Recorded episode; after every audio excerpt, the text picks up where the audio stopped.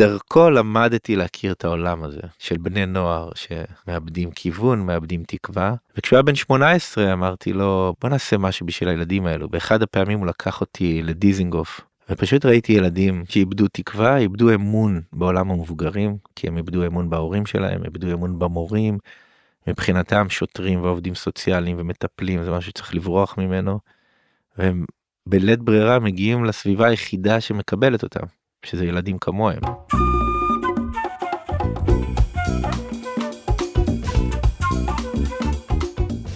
היי לכולם.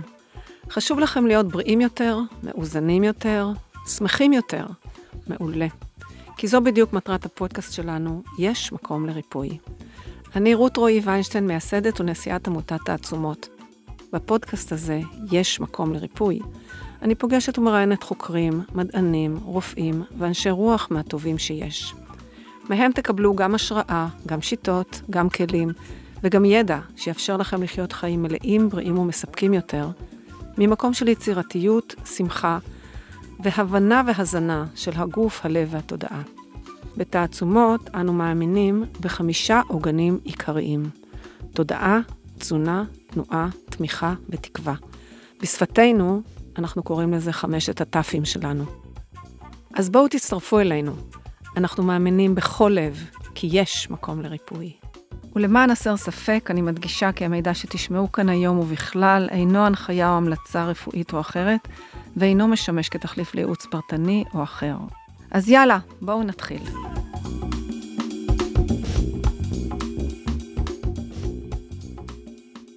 טוב, אז בוקר טוב לכולם. כיף שאנחנו שוב פה, והפעם יש לי את הכבוד והכיף לשוחח עם אה, רני אורן, אה, חבר אהוב, שבאמת עושה דרך אה, שבעיניי מרתקת, תמיד מסקרן אותי מה מביא אנשים מהעולמות שהם גדלו בהם לעולמות, לעולמות הרוח, או לעולמות קצת אחרים. אז רני הוא בן 49, נשוי ואב לשתיים. הוא מאמן בשיטת אום, שזה, תכף נדבר על זה, זה עמותה של פטריציו פאולטי בישראל, והוא גם תלמיד וגם מדריך בבית הספר הבינלאומי למודעות עצמית. העמותה מפעילה את הפרויקט נערי האור בישראל, שגם על זה נדבר, אה, מאוד התרשמתי. אה, והוא גם בוגר תואר ראשון בפסיכולוגיה ו-MBA במנהל עסקים, ובעיקר חוקר ומפתח את הפוטנציאל האנושי. הוא כתב לי שהוא איש של שלום, ומאוד אהבתי את זה, אז אנשי השלום היום באולפן. ובתור יזם חברתי, ובתור תלמיד ומדריך, ויזם, ומנכ"ל, וואו, ובן לאנשי עסקים עם uh, פירמה מאוד מצליחה שבחר ללכת ב- למסעות קצת אחרים. אז uh, אני, אני מאוד אוהבת את הסיפור האישי שלך ואמרתי שזה כדאי שתחלוק אותו עם עוד אנשים, כי זה באמת uh, בעיניי מסע מרתק והרבה על מה להרחיב בנושא הזה שבאמת איך אנחנו עושים את הקפיצה הזאת, או איך אנחנו באמת מבינים מה באמת העיקר בחיים, ומה משמעותי ומה מה נכון לנו להשאיר פה. בעולם כל כך מתועתע. אז אה, טוב, אז אולי באמת נתחיל מזה שתספר לנו קצת על המסע הרוחני שלך, מאיפה התחלת? אני מכירה את ההורים שלך, אנשים מדהימים, שבאמת יש לכם אה, עסק משפחתי מאוד מצליח, ויכולת בקלות להתערבב בעסק המשפחתי וללכת לשם. עם הרבה בחינות זה הרבה יותר קל אולי, ובחרת בדרך אחרת, אז בוא, בוא נדבר על זה קצת. טוב, אז קודם כל אה, באמת כיף להיות פה. חלמנו על זה הרבה זמן. נכון, הנה זה, זה קורה. זה באמת אושר גדול, אז תודה. תודה שאתה פה. ואם התחלת באמת מה... מההורים שלי ומהרקע, אז באמת שאני נולדתי לפני 49 שנים, אז אימא שכבה בבית חולים, אבא הסתובב, ניסה לקנות את הדברים, חזר בצהריים, כלום לא התאים לכלום, עם איזושהי חוויה של סטרס וחוויית קנייה לא טובה. הם ישבו ואמרו חייבים לעשות את זה אחרת. והחליטו שצריך לרכז את המוצרים לפני ולעשות הזמנה לפני לידה היום זה נשמע מובן מאליו אבל אז זה היה לא פחות ממהפכני.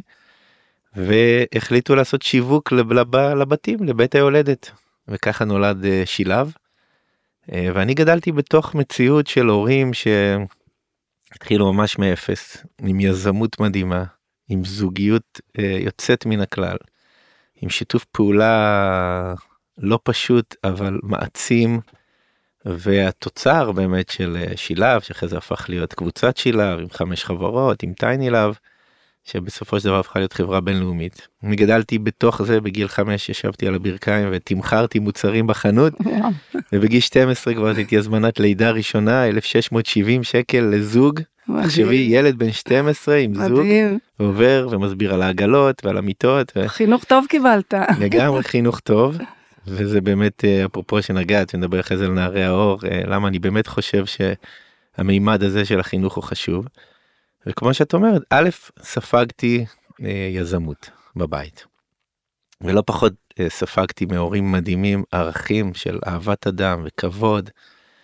וכל מי שאני פוגש היום שעבד איתם בהיסטוריה, מספר לי כמה אנשים מדהימים, וספקים ולקוחות ועובדים ו...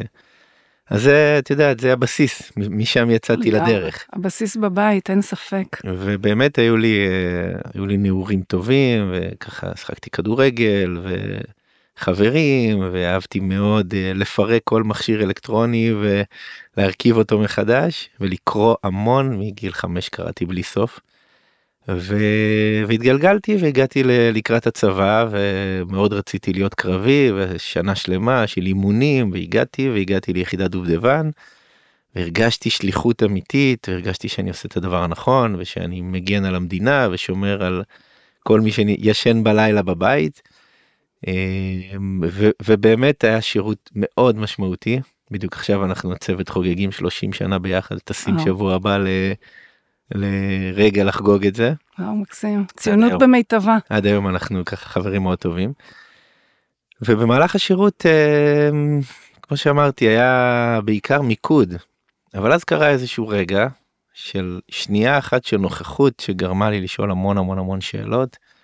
מצאתי את עצמי באיזושהי פעילות אה, בשכם אחרי שחיפשנו וחיפשנו את המבוקשים וזה מה שהיינו עושים כל הזמן.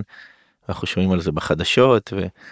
בעיקר מה שיודעים זה שהחבר'ה האלה עם דם על הידיים ושהם השתתפו בפיגועים ו... וככה גם ראיתי את זה לגמרי היה לי ברור מי הטובים בסיפור ומי הרעים בסיפור.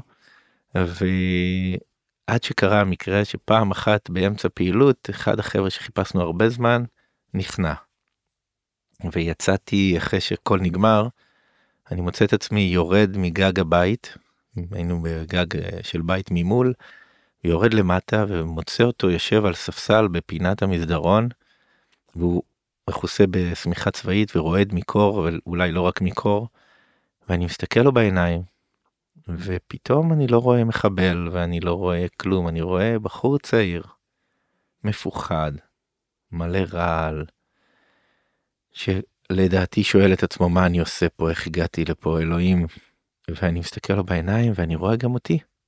אני רואה בחור צעיר ופתאום שאלתי את זה, לא שאלתי אפילו, חדרה לתודעה שלי שאלה. איך הגענו לפה? איך אנחנו שני בחורים צעירים, לא מכירים אחד את השני? לא נפגשנו מעולם. מישהו סיפר לך סיפור עליי, מישהו סיפר לי סיפור עליך. והנה אנחנו פה, מנסים להרוג אחד את השני. וזה קשה לתאר שנייה כזאת של נוכחות. לגמרי, זה רגע מכונן. זה רגע שפתאום כל ה... כל העולם שהיה כל כך בטוח ומבוסס ו... ושכנועים ואמונות של של אה, פתאום הכל התערער. ובעיקר נוצרה שאלה מאוד מאוד מאוד גדולה. והשאלה הזאת התחילה לדחוף אותי. לדחוף אותי למסע של, של שאלות שהלכו והתגלגלו. ובעיקר האמת השאלה הראשונה ששאלתי זה למה. למה אנחנו בני האדם בסוף מגיעים למקומות האלה. לא רק של מלחמה שממש יורים אחד בשני. למה אנחנו מגיעים למקומות של האלימות? למה אנחנו מגיעים למקומות האגרסיביים האלו? למה אין בנו את המימד, את האפשרות לחיות ביחד, להבין אחד את השני? פתאום הדברים שקודם היו לי ברורים כבר לא היו ברורים, ולא ידעתי לאן אני הולך. לא ידעתי מה אני מחפש, אבל ידעתי שמשהו לא בסדר, ושחייבת להיות אפשרות אחרת. וזה סוג של אינטואיציה חזקה. וואו, וואו, שני בחורים צעירים, זה מדהים. שני בחורים צעירים ברגע של אמת. ואת, אוי, קיבלת מתנה גדולה גדולה בגיל צעיר. אתה יודע, הסיפור שלך, אני שומעת אותו מאנשים בצבא. אמ, אני חושבת שהאפשור לביטחון הזה שמתערער, שנולד אצלך, כאילו אפשרת לזה להתערער. הרבה מאיתנו חוזרים לכאורה ביטחון על מנת שנמצא איזשהו, איזשהו הגנה, איזושהי הגנה. אבל היכולת שלך באמת ללכת עם הלב, זה משהו בתור בחור צעיר, זה ממש לא מובן מאליו. ובוא נגיד זה כבר היה לפני 30 שנה בערך. 30 שנה, כן. הרבה שנים. ואז מה קורה לך? אה, לאן זה מוביל אותך? האמת שבאותו רגע חזרתי לבסיס אמרתי למפקד שלי אני לא יוצא יותר לפעילויות אבל הייתי חייב עוד לצאת לא שפחדתי שיקרה לי משהו פשוט הסתכלתי על הדברים אחרת ממש אה, נקודת מבט חדשה על החיים. אבל השתחררתי מהצבא וטסנו לטיול אחרי צבא קרן ואני אנחנו מגיל 20 ביחד. ולאט לאט אה, משהו בי התחיל ככה להיפתח ו... ולחפש וחזרתי לארץ והלכתי ללמוד אה, הנדסה כן טיפוס מאוד ריאלי פיזיקה מתמטיקה כימיה ביולוגיה זה המקצועות שתמיד סקרנו אותי. ו... אבל אמרתי אני חייב להבין את נפש האדם אז עשיתי הסבה ועברתי לפסיכולוגיה. וחשבתי ששם אני אקבל את התשובות והאמת שלא. לא מצאתי את התשובות לשאלות שהיו לי. זאת אומרת זה היה מעניין והיה תיאוריות אבל זה היה מאוד תיאורטי בשבילי וחיפשתי משהו מעשי. אולי הסיפור הכי דרמטי זה שיום אחד בבוקר למדנו על תיאוריות התפתחותיות של פרויד ויונג ואריקסון ו... ועל רגשות וחזרתי הביתה ובעלת הבית שלי צרחה עליי בטלפון והייתי כל כך נסער ולא ידעתי מה לעשות עם זה שאמרתי אוקיי זה לא מה שאני מחפש אני מחפש משהו קונקרטי שאפשר לעבוד איתו. ועדיין לא ידעתי מה אני מחפש. אבל התחלתי להיפתח והלכתי לויפאסנה והלכתי ל... למרכז לקבלה והלכתי לשיעורי רבנים כי בן דוד שלי בדיוק חזר בתשובה וקרא לי. והלכתי לכל מקום. בעיקר נפתחתי נפתחתי לעולמות חדשים נפתחתי לנקודות מבט חדשות.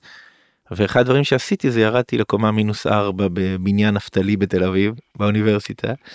והיה שם מדפים מאובקים של ספרים שאף אחד לא נוגע בהם שקראו להם היום קוראים להם העידן החדש שזה תמיד מצחיק אותי זה ספרים הכי כן, עתיקים נכון וכל מיני וקראתי כל מיני דנטה הקומדיה האלוהית ו- ו- וספרים ולאט לאט התחלתי להגיע לחומרים מאוד מעניינים. ואז החלטתי לעשות פרויקט לקחת את ארבע כמו שאז הגדרתי לעצמי הדתות המשמעותיות היהדות הנצרות האסלאם והבודהיזם ולנסות להוציא את הערכים העיקריים ולגבש איזושהי שפה אוניברסלית להגיד חבר'ה בסוף כולנו מחפשים אותו דבר. מין תחושה נאיבית כזאת של בחור בן 24 שאני אגבש משהו ואני אשנה את העולם ונעשה שלום בכדור הארץ. אבל באמת האמנתי ברעיון הזה. אני עדיין מאמינה בו השאלה היא מתי זה יקרה אתה אז, יודע. אז זהו אז, אז אני אגיד לך איפה אני איך אני רואה את זה היום. בעידן החדש. אנחנו כולם צריכים לשמור על התקווה והתפילה שבני אדם יתעוררו ויבינו שאין דרך אחרת לגמרי. מלבד השלום. לגמרי. ויש לי מחברת כזאת עבה בבית של המחקר והסביבה התחילה מאוד להילחץ. ההורים שלי, קרן, האחים שלי, מה קורה עם רני, מה קורה עם רני, אמא פחדה שאני אחזור בתשובה, ואבא פחד שאני אגיע לאיזה כת, ו... ואחי בכלל ראה אותי מבולבל ו... ואז הוא בא אליי והתחיל להגיד לי אחי אז בשלוש וחצי גם אחי היה בדובדבן והוא היה שלוש וחצי שנים בטיפול אה, פסיכולוגי והתחיל להגיד לי תלך לפסיכולוג תלך לפסיכולוג. ואמרתי לו בסדר בסדר ולא הלכתי ובסדר בסדר ולא יום אחד הוא שם לי צ'ק על השולחן של 1200 שקל. אמר לי רני ארבע פגישות ראשונות עליי. סיפור אמיתי והלכתי. פגשתי בחור מקסים בתל אביב איתמר בשן.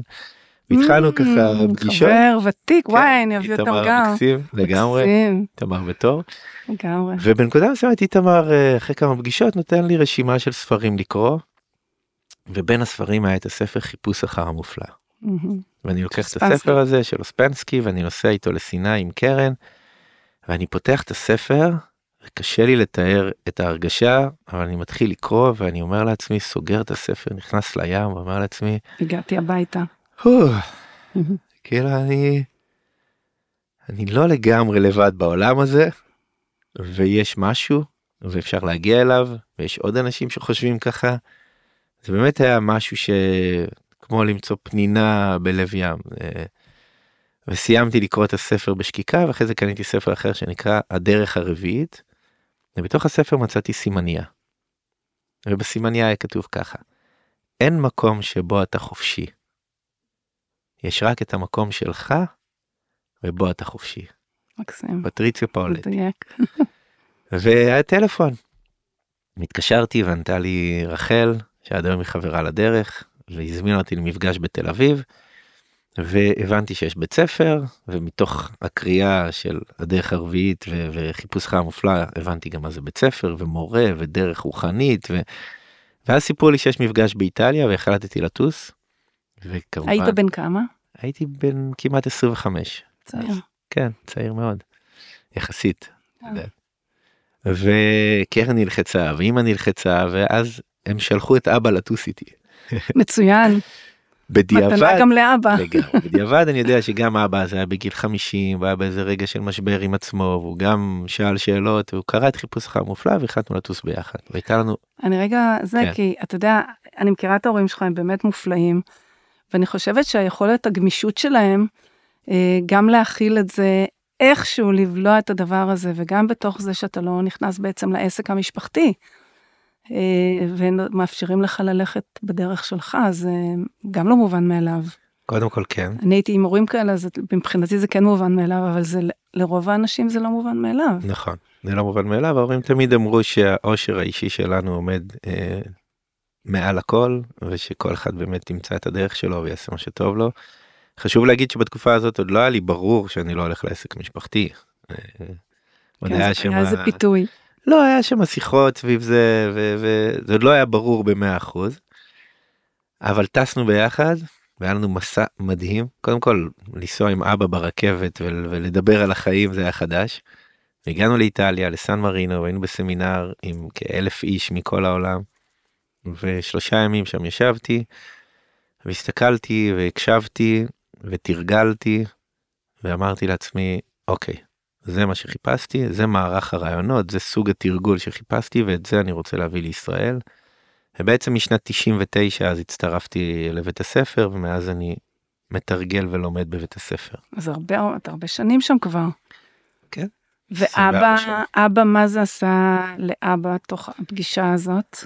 לאבא זה עשה מדהים חוץ מהחיבור בינינו גם הוא ממש זה נגע לו ב- במקומות מאוד עמוקים אחר כך הוא נוסע לעוד פגישה אישית עם אה, פאולטי וישב איתו לאיזה יומיים כאלו של עבודה אישית ועשו הרבה דמיון מודרך והוא התחבר לרגע בגיל 12 כי בחוויה שלו הוא בא מילדות אה, מורכבת מאוד ומקום שסביבה שלא האמינה בו ולא ולא ראו בו את הפוטנציאל.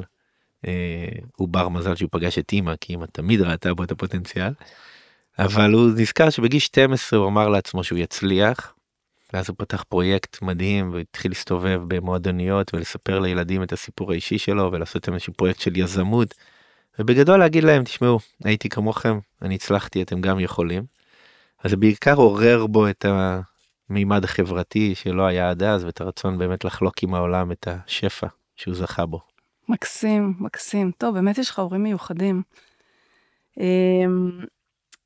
אז, אז אוקיי, אז מה, כשאתה אמרת לי מפתח וחוקר את הפוטנציאל האנושי, רגע, אז אה, אני, אני רגע הולכת אחורה. אז מבחינת מה עשית באותם ימים, אז נפגשת עם פאולטי, החלטת שאתה רוצה, שאתה נכנס לדרך הרוחנית, כן. ובמקביל מה אתה עושה?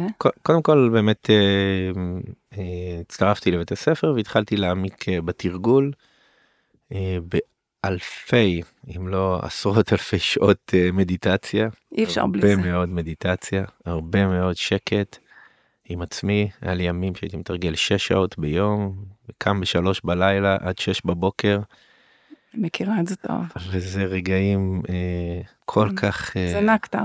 מיוחדים ו- ומכוננים זה לא פשוט בהתחלה כי הגוף מתנגד והכל מתנגד ומגרד ואתה רוצה לקום ויש חלק בפנים שלא רוצה את זה. אבל ככל שמצליחים להירגע לתוך המרחב הזה ולהקשיב לקולות היותר שקטים שבגלל הרעש בדרך כלל אנחנו לא שומעים אותם ויש בפנים קולות מאוד עדינים שצריך לשמוע אותם, של השאיפות העמוקות והאינטימיות ביותר שלנו, שהן עמוק עמוק עמוק בלב. ובתוך הדרך הזאת סיימתי את התואר בפסיכולוגיה ועשיתי במסגרת התואר אה, פרויקט פרח. ובפרויקט שלחו אותי לחנוך ילד בכיתה ו', עולה חדש מרוסיה, שגיא, נולד כסרגי, הוא שינה את השם שלו שגיא, הוא רצה להרגיש בנוח בארץ. וסיימתי איתו את הפרויקט אחרי שנה, ונפרדנו, ולא שמעתי ממנו שנתיים. ביום שישי בצהריים אני יושב עם קרן, והוא פתאום מתקשר אליי. הוא אומר לי, רני, מה שלומך? אה, מזל טוב, הוא יודע שהתחתנו, ואני בחוף הים, אם אתה יכול לבוא לפגוש אותי. שאלתי אותו מה אתה עושה בחוף הים הוא אמר לי תבוא ואני אספר לך נכנסתי לאוטו נסעתי אליו. פגשתי ילד בן 14 שחי עם מעל אה, שהוא בנה לעצמו בחוף הים. ו... והוא סיפר לי איך הוא התגלגל אה, אמא שלו ילדה אותו בגיל מאוד צעיר ברוסיה ועלתה בלי האבא והוא חווה אלימות קשה מאוד מבן זוג שהכניסה הביתה בבית. ו... עד שהחליטו משירותי הרווחה להוציא אותו מהבית ולשלוח אותו לאיזושהי פנימייה בנתניה ואז הוא התגלגל לתל אביב. ו... והתגלגל והתגלגל ומצאו אותו פה ושם ו... ונפלט מעוד בית ספר ועוד בית ספר הוא כבר עם 13 תיקים וואו. במשטרה בגיל 14 וואו. וכבר נפלט מכל מסגרת ופשוט חי ברחוב. ואני הייתי די עמום מהסיפור הזה. יודעת, מסוג הדברים שאתה רואה בסרטים וקורא בספרים, אבל... כן, זה כל כך לא העולמות שלך. לפגוש ילד ככה זה... זה שהוא הרים טלפון וחייג אליך. תחשבי שלא היה סלולרי. רצה תיקון. הוא זכר את הטלפון בראש. כן, מדהים. והמון פעמים אחרי זה שאלתי אותו, למה התקשרת? הוא אמר, אני פשוט הגעתי לכזה מקום של ייאוש. בדיעבד הוא סיפר לי שהרגעים שכשעשיתי את הפרח אז הייתי לוקח אותו אליי הביתה. ואימא הייתה מכינה לו סנדוויץ'. והרגע הזה שהוא ישב אצלי בבית ו- וקיבל סנדוויץ' בשולחן ונחרט אצלו, מה שבשבילנו, בשבילי, הוא כל כך מובן מאליו, הוא כל כך עוד רגע בחיים, בשבילו היה משהו שנחרט עמוק בלב. וברגע הזה של הייאוש הוא פשוט החליט להרים טלפון. ו... מה לעשות ביום שישי בצהריים עם ילד לא יכלתי להשאיר אותו בחוף הים פשוט לקחתי אותו הביתה. קרן הרגיש שהם זה לא בנוח היינו אז בדירה מאוד קטנה וניסיתי אולי לשים אותו אצל ההורים שלי וזה גם לא היה בנוח ולקחתי אותו לתל אביב. ובסוף לקחתי אותו אליו הביתה. וישבתי עם אמא שלו הבן זוג המכה כבר לא היה שם. והתחלתי לנסות לגשר ביניהם ולהסביר לה אותו ולהסביר לו אותה. אה, והייתי מקבל ממנה טלפונים זועמים של צרחות על כמה הוא ילד דפוק וחסר תקווה ואין מה לעשות. ו... והוא לגמרי לא הבין אותה. אבל אה, לאט לאט המצב התחיל להשתפר, עם איזשהו גישור ככה ביניהם. והיה קיץ, ואמרתי במקום שישב בבית סתם, הצעתי לו שיבוא לעבוד בחנות שלנו ברמת אביב. והתקשרתי לצוות ואמרתי תשמעו יש פה ילד שנמצא בקיץ והסברתי להם את הסיטואציה וביקשתי שיקבלו אותו לעבודה. אה, ובהתחלה הייתי לוקח אותו ואחרי כך היה נוסע באוטובוס. וראיתי שזה עשה לו מאוד טוב. הילד גבוה כזה אז הבנות היו מבקשות ממנו להוריד את הקרטון מלמעלה ולעזור להם ופתאום. הוא גם הרוויח כסף. הוא הרוויח כסף. הוא התחיל להרגיש משמעות והתחיל והייתה סביבה שקיבלה אותו ולא שפטה אותו. וזה התחיל לעשות לו מאוד טוב. וראיתי שזה עושה לו טוב. ועשינו הסכם שהוא יתמיד כל הקיץ. ואני אעזור לו לחזור לבית הספר. לא שידעתי איך אני אעשה את זה. אבל התקשרתי אז לגרמן שהייתה ראש עיריית הרצליה וביקשתי ממנה עזרה והיא סידרה לי פגישה ברווחה בחינוך. ובסופו של דבר החזרתי אותו לבית הספר וליוויתי אותו עם חברים שלי עם שיעורי בית וחונכות. ותחשבי שמאמצע כיתה ז' עד עד בעצם ט' הוא לא היה בבית הספר. ועדיין הוא הצליח לסיים את השנה עם כמה שלילים אבל לא משנה עבר לכיתה י' ו... ובתוך המסע הזה של ללוות אותו אה, שעד היום אה, אני לא יודע להגדיר את הקשר בינינו אה, סוג של קשר קרמטי. לגמרי לגמרי אבל הוא בן משפחה לגמרי והוא עד היום אתה בקשר איתו? מה זה בקשר איתו? הוא, הוא בן בית לגמרי הוא חלק מהבית הוא חלק מהמשפחה. גם כשחושב שהייתי באיטליה כשהיינו קרן ואני ביפן סליחה בפסח אז הוא חגג את אה, ליל הסדר עם המשפחה שלי וואו, לגמרי לגמרי במשפחה. מדהים. ואני מלווה אותו גם בעסקים בכל מה שהוא עושה היום אה, בחייו הוא בן 35. אבל דרכו למדתי להכיר את העולם הזה של בני נוער שמאבדים כיוון, מאבדים תקווה. וכשהוא היה בן 18 אמרתי לו בוא שגיא בוא נעשה משהו בשביל הילדים האלו. באחד הפעמים הוא לקח אותי לדיזינגוף, לכיכר שמה, וכשאלתי אותו איך איך ילדים מסתדרים איך הם חיים ברחוב. אז הוא אמר לי בוא תראה. ונסענו ביחד לבניין נטוש בין שלוש קומות אה, ימים אחרים בתחילת שנות האלפיים של אה, כיכר דיזינגוף שמה. ופשוט ראיתי ילדים בני 13 14 15 חיים על מזרונים מעבירים את היום בירות אה, שקל פה שקל שם. קודם כל ילדים שאיבדו תקווה איבדו אמון בעולם המבוגרים כי הם איבדו אמון בהורים שלהם איבדו אמון במורים. מבחינתם שוטרים ועובדים סוציאליים ומטפלים זה משהו שצריך לברוח ממנו. והם בלית ברירה מגיעים לסביבה היחידה שמקבלת אותם שזה ילדים כמוהם רק שם זו סביבה מאוד לא בטוחה מאוד לא מוגנת. וחלק משעמום וחלק מאיזשהו רצון בכל מקרה להיות אקטיביים אז הם מתחילים להתערבב במקומות לא טובים ובלילה לפרוץ ו- ו- ולגנוב ו- ובשתיים בלילה יושבים שם משועממים. וזה היה באמת uh, מדהים. וכשהוא היה בן 18 אמרתי לו בוא נעשה משהו בשביל כל הילדים האלו. וככה נולד הרעיון של להקים איזשהו מיזם עסקי חברתי שנותן לבני נוער סביבה. חשבתי הרבה מה לעשות, מה לייצר. אמנם אני בא מסביבה עסקית אה, יזמית אבל עדיין צריך להחליט. וחשבתי על זה שזה חייב להיות בית מלאכה. וחייב להיות שם תהליך של עבודת יד. כי זה נותן המון שקט והעיסוק עצמו הוא חשוב. אבל גם חשבתי שנכון שיהיה product. שזה יהיה פרודוקטיבי. בדיוק, יוצא מוצר. כן, שזה לא רק ריפוי בעיסוק, אלא זה מאוד פרודוקטיבי, כי הילדים האלה הם ילדים עם פוטנציאל גבוה, עם הרבה מאוד יכולות, וצריך לייצר להם מסילה שעליהם יכולים להתחיל להביא לידי, לידי ביטוי את היכולות האלו. וישבתי יום אחד בלחם ארז בהרצליה פיתוח, והיה שם דלפקי עץ כאלו, וגושים כאלה, נרות ענקיים, והסתכלתי על הנרות שנגמרו, יודעת, הפתיל נגמר ונשאר נכון. גוש אהבה גדול כזה. ושאלתי את האחראי משמרת מה הם עושים עם זה. הוא אמר לי כלום זורקים לפח. וחשבתי כמה זה סימבולי החומר גלם הזה שלא רואים בו ערך וזורקים אותו לפח וכמה פוטנציאל יש בו. וגם עצם זה שזה נר יש לזה משמעות מביא אור. לגמרי יפה. לגמרי וביקשתי ממנו שישמור לי את זה ובאתי אחרי שבוע היה לי קרטון מלא בחתיכות שעווה כאלה דבוקות אחת לשנייה. אבל הרעיון היה באמת לעשות תהליך של טרנספורמציה, לקחת את החומר, להכניס אותו לתוך מיכל, להדליק את החום והאהבה, להעמיס את החומר, להעמיס את הקושי של העבר, וליצור עתיד חדש, של תקווה, של, של אמונה. ובסוף, כמו שאת אומרת, גם הסימבול הזה של נר, שהוא תמיד סימבול של קדושה ושל חיים ושל אור. ובגלל זה קראנו לזה נערי האור. הרעיון המקורי היה באמת להסתובב איתם ברחוב ולאסוף שעבות מבתי קפה ומבתי כנסת ומכנסיות ומכל מקום שיש בו שעווה. עם השנים התפתחנו לשעבות טבעיות ולדברים אחרים. מקסים, מקסים ומרגש. אתה יודע, אני שומעת את זה לא פעם ראשונה וכל פעם אני מתרגשת מחדש. בילה ויודלה אמרו לי שאתה נכון. בדיוק אה, ראיתי אותם, הם אמרו מה פה זה התחיל, אצלנו בבית. ניסיתי להתקשר ליצרני נרות בארץ ואף אחד לא הסכים ללמד אותי לעשות נרות, כולם פחדו שיהיה פה תחרות ולא האמינו לסיפור של בני נוער בסיכון.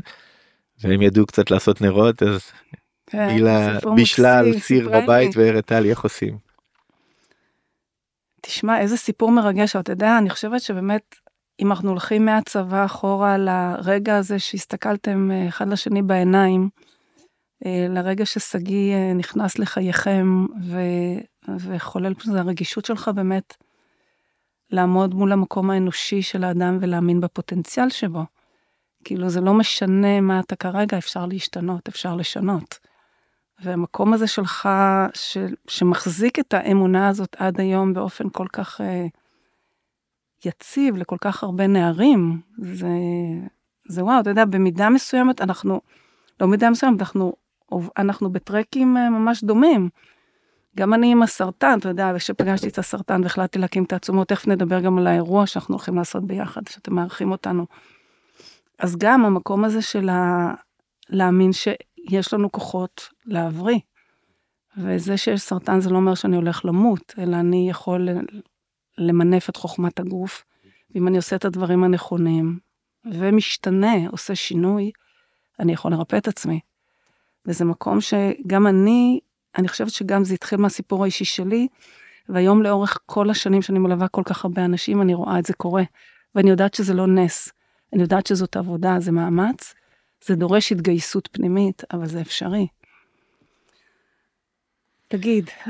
אני, אני באמת חושב שהמפתח הוא ההתגייסות הפנימית, ואני חושב שבאמת אה, מה שחסר לנו הרבה פעמים כבני אדם, זה ההתגייסות הפנימית, והיא חסרה לנו לא בגלל שאין לנו את הכוחות, בגלל שאנחנו לא מספיק מאמינים, ואנחנו לא מספיק מאמינים כי אנחנו לא מספיק רואים. כשאנחנו רואים, פותחים את העיניים ורואים, ומגלים באמת את האפשרות שקיימת, בין אם זה דרך מישהו אחר או בתוך החיים שלנו, אנחנו מתחילים להאמין שזה אפשרי. כשאתה מאמין שזה אפשרי, אתה גם מגייס את הכוחות לעשות.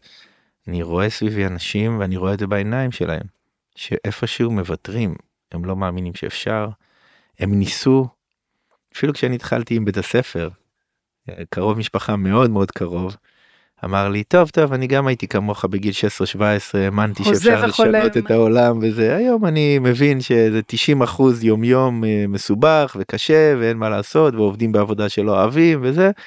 ומדי פעם יש איזה בר מצווה או איזה חופשה או איזה משהו ואז נהנים מהחיים. ולא הסכמתי לקבל את הרעיון הזה. ובאמת אה, מעבר ל... כמו שסיפרתי קודם לתחושת הבטן ול, וללב שהנחה אותי. ברגע שפגשתי את הרעיונות וזה התחיל לסדר לי את הדבר, הבנתי גם איך זה עובד. מכונה האנושית הזאת, כמו שאת אומרת, היא מכונה מופלאה, וכשלומדים אותה, ומבינים אותה, וחוקרים אותה, אז גם אפשר להתחיל להשתמש בה. אנחנו, אנחנו נוהגים ברכב, ואנחנו קצת מבינים איך זה עובד, פחות או יותר. ואני תמיד צוחק על זה שאנחנו... פחות מיותר. אה, אבל את יודעת, פחות ממה שאנחנו מבינים בגוף האדם כמה שזה מצחיק אנחנו בטלפון שלנו מבינים את התפקודים שלו הרבה יותר טוב ממה שאנחנו מבינים את התפקודים שלנו. נכון. רוב האנשים לא יודעים איפה הכבד ומה הוא עושה ומה הקשר בין החלקים ומה הקשר בין בין הנשימה ללב לאיברים הפנימיים למוח למערכת העצבית. דברים שהם לא כל כך מורכבים אנחנו אנשים מתעסקים. עורכי דין ומתעסקים בדברים מדהימים ולומדים אותם שנים ואנחנו פחות מקדישים את הזמן הזה ללמוד את עצמנו נכון. ולהכיר את עצמנו. וברגע שאנחנו עושים את זה, ושנייה אחת אה, במימד היותר תיאורטי אז בית הספר מדבר על דבר מאוד פשוט שיש לנו מהות. המהות שלנו קשורה לגנטיקה שלנו. והמהות הזאת שזה מה שאנחנו מגיעים איתו לעולם. אחד גבוה אחד נמוך אחד עם עיניים כחולות אחד uh, כהה אחד בהיר. זה דברים שאנחנו מגיעים איתם. ויש בזה גם תכונות מסוימות בתוך המכלול הזה. אנחנו מתעטפים באישיות שהיא מורכבת מהעולם הראשון והשני שלנו מהתרבות שאנחנו סופגים מההורים מהסביבה. אבל עד כאן עוד בסדר יש לנו מהות שזה אני ויש את האישיות ש, שדרכה אני יכול לתקשר עם העולם. אבל אז אנחנו פוגשים עולם שלא רואה אותנו ולא מבין אותנו ולא מקבל אותנו כמו שאנחנו. ואנחנו כל כך זקוקים לאהבה והערכה והכרה שאנחנו מתחילים לבנות מה שאנחנו קוראים לו אישיות מזויפת אנחנו מתחילים לזייף את עצמנו כדי שהעולם יכיר בנו ויאהב אותנו ואז אנחנו מתחילים להתרחק מעצמנו מאוד. ואז אנחנו מתחילים להרגיש את מה שאותו קרוב משפחה סיפר לי שבעצם אני חי את היום יום שלי אבל אני לא באמת קרוב ללב שלי, אני לא באמת מביא את עצמי לידי ביטוי. אתה יודע, אני מאוד מאוד מסכימה עם מה שאתה אומר, וזה נכון שאנחנו מתרחקים מהאני שלנו, אני חושבת שכדי להתקרב לאני שלנו, אנחנו, נדרש לנו מורה רוח. ואני חושבת שבלי מורה רוח, קשה, אני חושבת שעצם זה שפגשת את פאולטי, אה, אסף אותך, ארז אותך לתוך עצמך. גם אני ישבתי במנזרים עם שמונה שעות ביום מדיטציה, אני יודעת בדיוק על מה אתה מדבר. אבל היה לי מורה, ולא בלי אבל, היה לי מורה, ועם המורה הזה, צעד אחד קדימה, יכולתי להתקדם. אני חושבת שרובנו, גם אין לנו את האומץ לשאול מי אנחנו בכלל, כי זה מאיים עלינו, וגם אנחנו, אתה יודע, כשאני יצאתי לדרך עם הסרטן, אז נסעתי לנפאל, ישבתי במנזרים בנפאל הרבה חודשים, וגרשום אמר לי, הפרופסור שהקים איתי את העצומות, אמר לי, אל תחזרי בלי הבודה שלך. אמרתי לו, מה נראה לך שאני אלך ברחוב ואני אמצא בודה?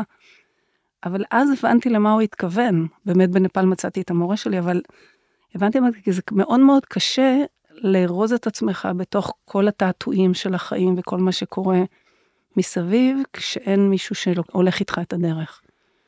ואני חושבת שזה שפגשת את פאולטי בגיל כל כך צעיר, וגם את איתמר אגב, וואי, אני אזמין אותו. את איתמר ואת תור, הם בארץ? כן, כן, כן, הם בארץ. אה, וואי, זה ממש מעלה בי געגועים אליהם. אה, אני חושבת שבאמת המקום הזה הוא, הוא אתה בר מזל, זה לא קורה, ל, זה לא קורה לכל אחד. אם כי הפשן, כאילו התשוקה והזה בלמצוא את זה, כי כל הזמן היית מחובר ללב. מהרגע שפגשת את ה... את ה מסת... איך קוראים לזה? מסתערבים. ברגע שפגשת את זה וראית את הניצוץ האנושי, שמה הרי מה כולנו רוצים? כולנו רוצים להיות מאושרים. אבל זה לא סוד. נכון. אנחנו נלחמים אחד בשני, ובזים אחד לשני, ואלימים אחד לשני. ובסופו של דבר כל אחד בעצמו, זה מה שאנחנו רוצים, לא משנה מאיזה צד הוא. אנחנו רוצים, אנחנו רוצים שלום פנימי. אנחנו רוצים שלום פנימי. אני חושב שמה שחסר זה מידת הענווה. נכון. עד שאני לא מפנה את תשומת הלב פנימה, כל עוד אני מסתכל החוצה וחושב שאם לאחר יש זה על חשבוני, ואם האחר מצליח אז אני אצליח פחות, ואני מתעסק בסביבה שלי, אז אנחנו בבעיה מאוד רצינית. ואני חושב שאם את תופסת את המקום, את תופסת לי את המקום שלי. אבל כשאנחנו מפנים את תשומת הלב פנימה ומתחילים להתחבר ומגלים את המקום הזה, ואני מבין שיש לי מקום, ואת המקום שלי אף אחד לא יכול לקחת לי. אף, את יכולה לקחת לי את הבגדים, את יכולה לקחת לי את הבית, את המקום שלי, את לא יכולה לקחת. כשבית המקדש הזה, כשהבית שלי הופך להיות בלב, בפנים ולא בחוץ, אז אנחנו מתחילים לאבד את הפחד הזה שיקחו לנו. נכון. ואז אנחנו גם יכולים לראות שלאחר יש מקום. ואז אנחנו יכולים להתחיל לעבוד ביחד. נכון. והאלמנט הזה של התחרות שהוא כל כך מיותר כי בסוף יש כל כך הרבה קשיים גם ככה לכל אחד מאיתנו אז במקום להפריע אחד לשני אם נעבוד ביחד יש לנו סיכוי יותר גדול להצליח. וכשמתחילים לאבד את המקום הזה ובאמת לחשוב איך לאהוב את האחר ולשתף איתו פעולה אז המציאות משתנה אבל כדי להגיע לשם חייבים לעשות איזשהו מעבר והמעבר הזה הוא לרגע להתחיל לדאוג לעצמנו. להחליט שאני שנייה מפנה תשומת הלב פנימה ומתחיל לדאוג לעצמי וזה לא פעולה אגואיסטית. זה פעולה אלטרואיסטית. לגמרי. אני קוראת לזה surrender, אתה יודע, זה הכניעות במובן הטוב. אני גם חושבת שלכל אחד יש את המקום הפנימי הזה, אנחנו רק, אין לנו מספיק תשוקה אולי ללכת ולחפש אותו. כאילו כל אחד מאיתנו הוא טוב בפוטנציאל שלו.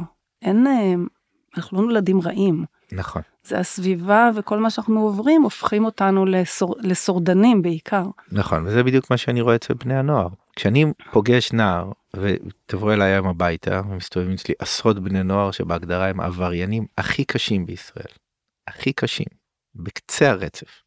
ומסתובבים אצלי בבית והבית שלי פתוח ואין שם גדרות ואין שם מגבלות. כי זה נכון שהם הביעו אלימות והם הביעו אלימות קשה. אבל אני לא רואה בהם אנשים אלימים או בני נוער אלימים. אני רואה בני נוער שקשה להם הם מתוסכלים והתסכול הזה יוצא במקום של אגרסיביות. אבל כשעושים את התהליך הזה והם מרגישים שהם בסביבה שמכירה בהם שאוהבת אותם שמאמינה בהם אותם ילדים ותבוא יהיה לראות את זה כל מי שרוצה מוזמן לבוא לראות. זה מדהים רק לחבק אותם, רק לחבק אותם. זה מדהים ואיך הם עובדים ביחד ואיזה פרודוקטים הם יוצרים שם, מהמם. קניתי את הדברים, ממש דברים ברמה, אתה לא תגיד איזה ריפוי בעיסוק, ממש עסק. נכון. שזה נכון. מדהים מה שנוצר מזה. אז זה מה שאתה בעצם עושה, אתה, אתה מנהל את העמותה, ו, ואת כל המפעל הזה, אני ראיתי שממש מפעל. נכון. מה שאני בעצם עושה, את יודעת, בספר חיפוש אחר המופלא שואלים את גורג'ף מה הוא עושה, הוא אומר אני סוחר באנרגיות שמש. כמה זה יפה. אז מה שאני בעצם עושה זה זה, אני, אני בעיקר עובד על כל יום, כל יום, להתחבר למימדים הגבוהים יותר, ולזכור שזה לא אני, אני לא האור, אני לא מקור האור, אבל אני יכול לנקות ולטהר את הסביבה כדי שהאור הזה יעבור דרכי ויגיע לכמה שיותר אנשים. אז אנחנו עושים את זה גם עם בני הנוער, אנחנו עושים את זה דרך מפגשים ודרך הכשרות והדרכות וכל הצוות שלנו. אנחנו תמיד אומרים שזה לא שאנחנו מטפלים בבני הנוער, אנחנו כולנו במסע יחד. של התפתחות, כולנו. וכל אחד מאנשי הצוות נמצא במסע התפתחות בתוך התהליך.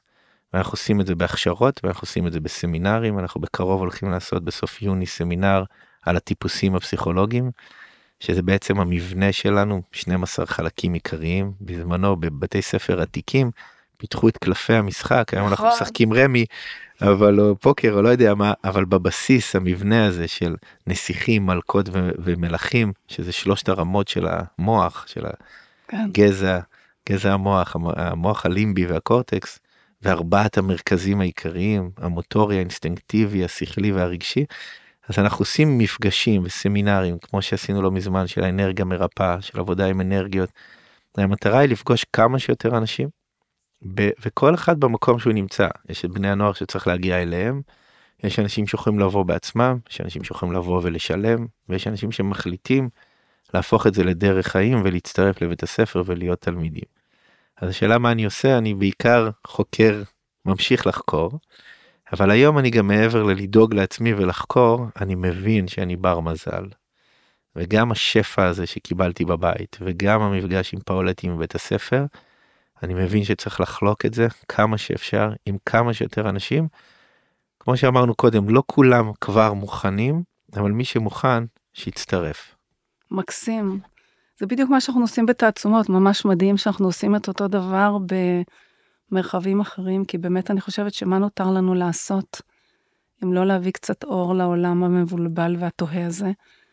וגם אתה דיברת נורא יפה על צניעות, אתה יודע, לרומי יש, אני לא זוכרת בדיוק מילה במילה, שיר שהוא אומר בעצם, עם מה אנחנו נצא מפה מהעולם? לא עם הבתים שלנו, לא עם המכוניות שלנו, לא עם הזהב, הכסף שלנו, אנחנו נצא עם המעשים הטובים שעשינו פה. ובעיניי זאת ליבת עשייתנו פה. כאילו אין משהו אחר בעיניי לעשות חוץ מלעשות טוב וכמה שיותר. נכון ורק כי... מילה אחת אה, דיברת על העולם המבולבל. אני כן חשוב לי לחלוק את זה כי לי זה שינה מאוד את המציאות. כי פעם הייתי מסתכל החוצה ומאוד מתוסכל. מאוד קשה לי לראות את האגרסיביות של בני אדם ואת האלימות של בני אדם ואת חוסר הסובלנות ואת חוסר הכבוד ואת זה שהחבר'ה הצעירים שוכחים את המבוגרים ואנחנו שוכחים את השורשים שלנו בדרך לפה התקשרתי לחברה ותיקה שעבדה שנים בשירות לשיקום נוער ואמרתי לה תודה ושאלתי אותה מה שלומה כי היא פרשה לפנסיה וסיפרה לי כמה היום לא מתקשרים איתה. וזה, וזה מימדים שאנחנו קצת אה, מזניחים אותם וקשה לי לראות קשה לי לראות את הסבל של בני אדם נכון. קשה לי לראות את, ה, את הקושי את המריבות בתוך הבית את הזוגיות שמתפרקת את המשפחות שמתפרקות. אבל עשיתי בנקודה מסוימת איזשהו מעבר. והבנתי וזה דנטה הקומדיה האלוהית שאנחנו לא בגן עדן. ופה לא כולם חיים בשלום אבל אנחנו גם לא בגיהנום. וזה לא שכולם פה שונאים. יש פה מרחב יש פה מרחב של בחירה ויש פה מרחב של למידה ויש פה מרחב של עבודה. וכשמשנים את נקודת המבט מהכל מלתת סימן אם זה טוב או רע להכל טוב אם אפשר להפוך אותו להזדמנות להתפתחות, אפשר להבין שגם כשמקבלים דוגמאות שליליות, הדוגמה הזאת היא מנחה אותנו למה אנחנו לא רוצים. וכשרואים מודלים חיוביים אנחנו מבינים לאן אנחנו כן רוצים ללכת. וכשעושים את השינוי הפנימי הזה, ומתחילים לראות את העולם כאת את כדור הארץ, את המרחב הזה כבית ספר. דנטה קורא לזה פורגטוריו, שזה מקום ההיטהרות. אבל כשרואים את זה כמרחב של למידה, אז זה עושה הרבה שקט, הרבה שלווה, הרבה הודיה, והיומיום הופך להיות יומיום של עבודה, ובעצם הכל, גם כשהתנאים החיצוניים הופכים להיות לקשים ביותר, וזה ויקטור פרנקל חלק איתנו, גם כשהתנאים הופכים להיות הכי קשים בחוץ, הם דווקא מגבירים את ההזדמנות לעבודה הרוחנית ולהתפתחות. בדיוק מה שכתבתי לי להגיד לך על ההזדמנות, שאני באמת חושבת שלכולנו זה הזדמנות. אני מודה שאני כשאני נופלת ברוחי כשאני רואה מה קורה מסביב, והיום אולי יותר מאי פעם, אז אני נזכרת ומזכירה לעצמי שאנחנו בדרך, והדרך חכמה מה הולך בה, וכנראה אנחנו פה כדי לעשות תיקונים. והמרחב הזה של בחירה ולמידה, כדי לרפא את התודעה, את הגוף, לא משנה בתעצומות, אנחנו הרבה מדברים על ריפוי גם תודעתי, שזה הריפוי לגוף. כל המקום הזה של ה... לראות את העולם כהזדמנות. וההזדמנות הזאת, אם אתה מבין, אם אנחנו מבינים, שהזדמנות חד פעמית, אתה יודע, כמה פעמים אנחנו, אנחנו יודעים שאנחנו נולדים, ומה יהיה איתנו אחר כך, ואני מאמינה גם בגלגולים. כאילו, יש לנו פה 80, לא יודעת כמה, איקס שנים לחיות, בואו נחיה את זה טוב, בואו נחיה את זה באמת, ונוציא מזה משהו, נפיק מזה משהו. והמקום הזה הוא מקום שהוא מכונן, ואז זה הופך את הכל, זה בדיוק מה שאתה אומר. זה הופך את הכל לאוקיי, אז אפשר להכיל את זה. אנחנו ממשיכים בדרך. מקסים, אז בוא נדבר רגע על, ה, על האירוע שלנו, כי באמת אה, זה היה מקסים לראות, בכלל, כל החיבור בינינו, המחודש, אה, ממש מרגש. אה, אני יכולה לספר פה שאני הכרתי את ההורים של, את שושי ואיציק, את ההורים של רני, כשהבאנו שיטה שנקראת ג'יננג צ'יקונג, זו שיטה מסוימת לריפוי. ואז הכרנו והכרתי קצת את הבית, ואכלתי אצלכם קצת, וכאילו הכרתי באמת איזה הורים מיוחדים, ובכלל אבא שלך שבאמת הולך לכל מיני מקומות, סקרן הולך למקומות אחרים עם הג'יננג, ומתנשא, ומתרגל, ו... ואחר כך נפגשנו עוד פעם באמת בחווה ברשפון, איפה שגם נערי האור, והסכמתם לארח אותנו לאירוע התרמה של תעצומות שיקרה בשביעי ליוני, אוטוטו. אה, וזה היה מקסים כל הסיפור, איך שהוא התחבר דרך uh, הילד. אני אולי אספר שאחת מהבנות, מהמבריאות שאני מלווה באופן אישי, והיא תעצומות היא כמו בית בשבילה, היא הייתה לה יום הולדת והיא אמרה, אני רוצה את היום הולדת שלי להחזיר לתעצומות ולך את כל מה שנתתם לי, ואני רוצה להקים, להרים אירוע התרמה לתעצומות ולגייס את החברים שלי מהמטבח הנודד, שזה גם מפעל מקסים שנולד איפשהו בקורונה, כשרצו, כשראו שהחקלאים זורקים את היבולים, ואז אמרו, בשביל שלא יזרקו את היבולים, הווה ניכנס, שפים נכנסו לשדות ובישלו וקראו לעם ישראל לאכול אוכל גורמה, שזה בעיניי מקסים. והיא אמרה, אני אגייס את החברים שלי מהמטבח הנודד, את הצלמים, את המפיקים, את הזה, ויאללה, בואו נעשה אירוע התרמה, וחיפשנו, חיפשנו, חיפשנו מקום. ואז היא אמרה, צלצלי לרני, והכל עשה לי פלשבק מהג'ינג ומהזה, ובאתי לכם, והיה כל כך כיף לראות גם את כל המפעל הזה של נערי האור. וגם אנחנו הולכים לעשות איתכם את, ה... את האירוע המשובב הזה, השמח, עם הרבה הרבה אוכל גורמה ושפים צעירים, ויין ושמחה ומוזיקה מדהימה ואנשים מקסימים. אז קודם כל, תודה רבה על האירוח רחב הלב והנדיב הזה שלכם. ואין בית יותר מדויק מזה לתעצומות מאשר אתם. אתה יודע, ככל שאני מדברת איתך יותר, אני אומרת, וואו, זה הכל, הקרמה מביאה, מסדרת לנו את הכל. זה מדהים כמה ה-state of mind שלנו, הוא יושב באותו מקום, במרחב מאוד מאוד דומה, של ריפוי. אנחנו במקום הזה של סרטן ומחלות כרוניות, ואתם במקום של ריפוי של נערים במצבים כאלה. ויחד לעשות כזה כיף. זה, זה וואו, רני, ממש תודה, תודה, לגמרי, תודה. לגמרי, תודה לך על הזכות. איזה דיוק, איזה דיוק, ו... באמת. מאוד שמחים על שיתוף הפעולה הזה. אז, אה, אז אני חושבת שבאמת אפשר להביא הרבה אור, ונביא הרבה אור, אתה יודע, זה אור שבא גם מהנרות, וגם מהלב, וגם מעצם העשייה, וגם, כמו שאמרת, כולו אנחנו פה צינור, השמש זורחת ותמשיך לזרוח לעולם כנראה. אנחנו נחלוף באיזשהו שלב, מה שאנחנו יכולים להעביר דרכנו. זה רק אור, אין משהו אחר. אז uh, תודה רבה על זה, ועכשיו תגיד, המשפחה גם uh, בתוך העשייה שלך? המשפחה תמיד שם. המשפחה תמיד שם. אתם גם מאוד מלוכדים, ואני נכון, קצת מכירה נכון, אתכם. אנחנו מאוד מלוכדים. קודם כל, לפני הכל קרן, היא מדהימה, כי זה נכון שאני עושה את מה שאני עושה, אבל בסוף, קרן היא הגיבורה האמיתית, תחשבי על זה שדיברתי על זה שבבית שלנו מסתובבים החבר'ה האלה. תשבי עם הקרן הייתה צריכה לעבור עם עצמה והיא באמת באמת באמת מדהימה ונותנת תמיכה אינסופית. וזה הדדי לשמחתי גם היא פורחת ואני תומך בה במה שהיא עושה. בעיניי זה מרכיב חשוב בזוגיות של כל אחד יהיה את העולם שלו ושנתמוך אחד בשני ונחיה אחד לצד השני. אבל כן המשפחה כולה שם מגויסת תומכת מלווה גם ההורים של קרן תמיד מופיעים, וגם המשפחה המורחבת, זה באמת מדהים. אנחנו עושים אירועים, עשינו אירוע שנתי, עברי לידר התגייס, ועשינו אירוע עם הנערים, והיו שם כ-600 איש, והסתכלתי בקהל, ובאמת, כל המגוון של החברה הישראלית, אה, כמובן גם כי הפרויקטים שלנו, יש לנו פרויקט בחברה הבדואית, ובחברה הערבית, ובחברה החרדית. מבחינתנו המסר הוא פשוט, כל ילד, כל נער וכל מבוגר, יש זכות שווה למימוש הפוטנציאל שלו. למען חברה סובלנית וערכית, זה החזון שלנו. ובאמת מבחינתנו ילד הוא ילד ונער הוא נער, וזה לא משנה מאיפה הוא מגיע. ואנחנו באמת רואים אה, גורם אה, מלכד, מלכד ו- ו- ומאחד. אה, במיוחד היום, אנחנו הבנו את זה גם לפני 20 שנה, אבל היום זה הפך להיות נכון. הרבה יותר אקטואלי, כי אנחנו רק מסתכלים על ההבדלים ועל השוני ועל החיצוניות, ומתעסקים כל כך בשכבה החיצונית. ואנחנו צריכים ללכת הרבה יותר פנימה. אם נלך פנימה לתוכנו, גם נראה את הפנים של האחר. ואנחנו זקוקים לזה כי כדור הארץ זועק, והסביבה קשה ומורכבת, וזה פשוט לא הזמן לבזבז אנרגיות על רגשות שליליים ועל מלחמות.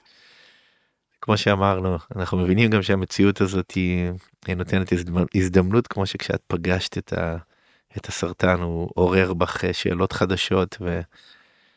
אבל בהחלט אה, זה הרגע לנסות כמה שאפשר להתאחד ולעבוד ביחד.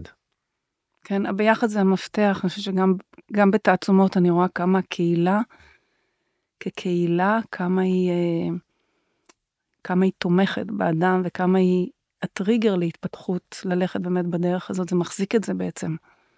ואני חושבת שהקהילה זה משהו, גם אצלכם ראיתי את זה, ראיתי את היחסים שם בין החבר'ה שעובדים וזה, זה היה מרגש. וגם בתעצומות רואים את זה, שתעצומות היא עמותה של מתנדבים, בעיקרה, ואתה רואה bonding מאוד מאוד חזק בין השטח לבין הצוות של המתנדבים, לבין העשייה המשותפת, שהיא בעצם מזינה, אני תמיד אומרת שאנחנו מרחב של אה, ידע משותף, כי כאילו אני, אוקיי, אני זה רק אני, אבל ביחד, הידע הרבה יותר גדול, העשייה הרבה יותר גדולה, הדיוק הרבה יותר גדול. פאולטי אומר שאחר הוא זה... הארכה נוירונלית שלנו. יפה. אנחנו, אנחנו מוח אחד גדול, וכל אחד מאיתנו הוא תא עצב אחד. במוח הזה. אז אני תופס את עצמי נפרד, אבל אנחנו לא נפרדים, אנחנו קשורים אחד לשני. והערה זה בעצם מוח שכולו עובד ביחד. את יודעת שאיינשטיין אמר uh, שהוא לא יותר חכם מאחרים, הוא פשוט נשאר יותר זמן עם השאלה. וכשהוא הלך לעולמו הוא תרם את המוח שלו, וכשבדקו מצאו שהוא לא, לא הרבה יותר גדול ממוח רגיל, אבל הוא הרבה יותר כבד, כי יש הרבה יותר חיבורים בין החלקים השונים. והיכולת שלנו להתחבר מאפשרת לנו להרחיב את נקודת המבט שלנו. כן, בעיניי התחברות זה המפתח, והלוואי ונשכיל להבין את זה בעוד מועד. כי אתה יודע, אתה היית ממש לקי, אתה פגשת את כל הדרך הזאת בגיל 25, שזה ממש צעיר, אני פגשתי את הדרך הזאת בגיל 50, אני אומרת, וואו, מה יכול היה לקרות לי אם הייתי בת 25, אני מנסה להנחיל את זה לילדים שלי. זה משהו שהוא באמת, אני חושבת, מתנה גדולה, כי בעצם שאלת המפתח, למה אנחנו כאן? למה באנו הנה? ומי אנחנו בכלל? אתה יודע, האורחים בעולם נורא נורא יהירים וחושבים שאנחנו מי יודע מה, אבל מי אנחנו פה, גרגרי אבק? ומה נותרנו לעשות פה מחוץ מלעשות קצת טוב? זה באמת... אה... ברגע שאתה מבין את זה וזה מסונטז, אז אין דרך אחרת, וזו דרך הלב. נשאיר uh, סימן דרך לאלה שבאים אחרינו. כמו שעשו הרבה לפנינו, כמו בודה. לגמרי. לפני אלפי שנים היה לגמרי. פה ועדיין אנחנו מנסים להתחקות אחרי הדרך שלו. לגמרי. אם נשאיר אפילו אבן קטנה, איזושהי עדות לאפשרות שאנשים מחפשים, ידעו שאפשר, אז עשינו משהו טוב. לגמרי, כי בעצם, תחשוב מה יהיה בעוד 100 שנה, מי יזכור אותנו בעוד 100 שנה? נהיה איזה אבן בבית קברות שאף אחד לא ידע מי אנחנו בכלל ומה היינו. אז אה, לא נותר לנו אלא לעשות טוב. וואי, רני, איזה כיף שבאת, אני יכולה לדבר איתך עד מחר, הזמן שלנו תם. Mm-hmm. אם רוצים, אתם מקבלים מתנדבים, אם רוצים להתנדב אצלכם, פתאום חשבתי על הבת שלי. אה, כן, אנחנו מקבלים מתנדבים. איך מגיעים אליכם? אפשר לכתוב, כן, אפשר לכתוב נערי האור, להגיע לאתר שלנו, יש שם צור קשר, לכתוב. יש לנו שבעה מרכזים בישראל, אנחנו פותחים השנה עוד ארבעה מרכזים. וואו, אה, יש את החווה. ברשפון שהיא מדהימה, אפשר להגיע להתנדב, אפשר להגיע לעבוד, יש לנו גם את התחום של צמחי המרפא שפיתחנו, ואנחנו מהצמחים מייבשים ומפיקים מהם שמנים, ומהשמנים האורגניים אנחנו עושים את הסבונים הטבעיים ואת הנרות, והיום יש לנו גם קרמיקה, שאנחנו עושים את כל כלי הקרמיקה. אז יש הרבה עשייה אה, מהנה וכיפית, ובעיקר, כמו שאמרת, הסביבה עצמה.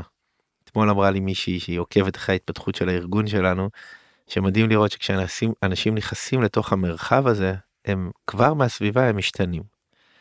ופה אני, אני המון שנים חקרתי את התפתחות האדם ו, והתחלתי מתינוקות ויותר מעשר שנים הדרכתי הורים בתחום של הריון ולידה ועקבתי אחרי שיטות חינוך בעולם ו, ובאמת הגעתי למסקנה כמו שמונטסורי אומרת שמה שחשוב זה לייצר סביבה. נכון מאוד. כי האדם בסוף ימצא את עצמו אבל לייצר את לגמרי. הסביבה שבה זה קורה. והמתנדבים כשהם מגיעים ואני בטוח שזה קורה גם אצלכם מעידים אחר כך שהם באים לתת אבל הם מקבלים המון. נכון. נכון, אתה יודע, אני, אני תמיד אומרת בריטריטים פעילויות שלנו, שאנשים מגיעים איקס ויוצאים הרבה הרבה יותר יפים. אתה רואה מה הסביבה, איזה פתאום איזושהי, איזשהו שקט פנימי ורגיעה ותחושה של ביחדנס שהסביבה מייצרת, ושנותן להם פתאום איזשהו סוג של, אתה יודע, של upgrade בריפוי, שזה מדהים לראות את זה, ממש יוצאים אחרים. בתוך שלושה ימים של אה, ריטריט, אנשים יוצאים אחרים. אגב, יש לנו גם ריטריט, אולי תבוא. יש לנו ריטריט בשמחה. ב-29 עד ה-31 במנזר בעין כרם. וואו. אני מזמינה, אני אשלוח לך את התכנים. אוקיי. תבוא, וואי, יש תכנים מהממים, ותראה מה, מה, מה זה עושה לאנשים. בשמחה רבה. גם המקום שהוא מהמם, גם התכנים והמנחים, וגם הזה שהם יושבים ביחד בארוחות, זה... רנילה, תודה, תודה, תודה, תודה, איזה תודה. עונג צרוף לפגוש אנשים. כמוך, ממש, תודה לך מהלב. תודה לך. ואנחנו נפגשים אה, גם בריטריט, אני מקווה שתקפוץ אלינו, וגם בשביעי ביוני, בחוות נערי חווה האור. מדהימה שם, חווה. יש שם אווירה יוצאת קסומה. קסומה. בטוח יהיה ערב מדהים, ותבואו, כל מי שמאזין ושומע תבואו. יש שם הרבה נרות, הרבה לפידים, הרבה הרבה אור, לפידי אדם, הרבה בדיוק, אור. האור האמיתי זה בלבבות של בני אדם. שהסתובבו שם, ובטוח שיהיה ערב יוצא מן. הכלל. ואוכל מהמם, ויין, וכיף, ומוזיקה, ואנחנו, לגמרי. אנחנו. אז תודה רבה על הכל. ובסוף זה למטרה הכי חשובה, שזה נכון. למען תעצומות. נכון, אז תודה על כל הפרויקט הזה המשותף. באהבה. אז להתראות לכולם, ואת תעצומות אנחנו יודעים כבר איפה למצוא. שיהיה יום נהדר.